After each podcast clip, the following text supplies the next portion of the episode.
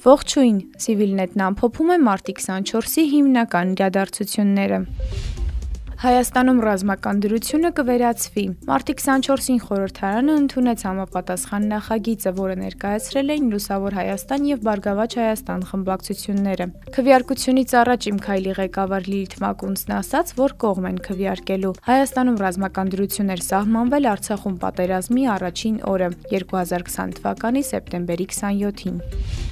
Հատուկ քննչական ծառայությունը լուծարվում է, դրա փոխարեն ստեղծվելու է հակակոռուպցիոն կոմիտե։ Մարտի 24-ին ազգային ժողովը երկրորդ ընթերցմամբ եւ ամբողջությամբ ընդունեց կառավարության ներկայացրած օրենքների նախագծերի փաթեթը։ Ստեղծվելիք կոմիտեն, որը քննելու է բացառապես կոռուպցիոն բնույթի քրեական գործեր, ներառելու է նաեւ հատուկ քննչական ծառայության քննչական լիազորություններն ու քննիչներին։ Հակակոռուպցիոն կոմիտեն ընդգրկելու է նաեւ ազգային անվտանգության ծառայության, պետեկամուտների կոմիտեի, քննչական կոմիտեի կոմիտեի կոռուպցիոն քննությունների բաժինները։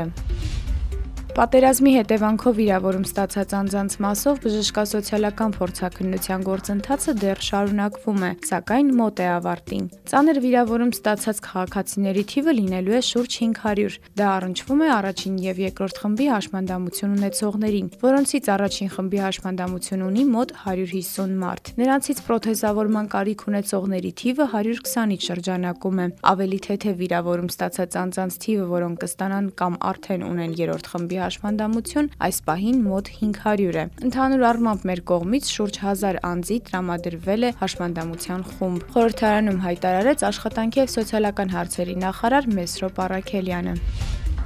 Եվրախորհրդարանի անդամները Ադրբեջանին կոչ են անում անհապաղ ազատ արձակել հայ գերիներին։ Մենք խորապես մտահոգված ենք Ադրբեջանում պահվող հայ գերիների նկատմամբ դաժան վերաբերմունքի մասին հաղորդագրություններով, որpիսիք մասնավորապես արձանագրված են Human Rights Watch-ի վերջին զեկույցում։ Մենք կոչ ենք անում Ադրբեջանի իշխանություններին հետաքննել բոլոր այդ դեպքերը, մեղավորներին պատասխանատվության ենթարկել։ Ափսոսանք ենք հայտնում առ այն, որ Ադրբեջանի կառավարությունը չի կատարել մարդու իրավունքների եվրոպական դատարանի միջանկյալ միջոցը, ըստ որի պետք է տեղեկատվություն տրամադրել անազատության մեջ գտնվողների պահման պայմանների, առողջական վիճակի եւ նրանց վերադարձի ուղղությամբ միջոցների վերաբերյալ, ասված է հայտարարությունում։ Ադրբեջանում պահվող հայ գերիների հստակ թիվ չի հրապարակվում։ Անցյալ շաբաթ Հայաստանի արտաքին գործերի նախարարության խոսնակ Աննա Նաղդալյանը հայտարարել էր, որ ներկայում Ադրբեջանի դեմ կիրառվում են ընթացիկ միջանկյալ միջոցներ 188 հայ գերիների վերաբերյալ։ Ավելի վաղ մարտի սկզբին Սփյուռքի գործերի գլխավոր հանձնակատար Զարե Սինանյանը ռուսաստանյան ՌԻԱ Նովոստիի հետ զրույցում հնչեցրել էր 100 թիվը։ Փետրվարի կեսին փոխվարչապետ Տիգրան Ավինյանի գրասենյակի Civilnet-ին հայտնել էին, որ առ այսօր Ադրբեջանը վերադարձրել է գերության մեջ գտնվող 69 անձի։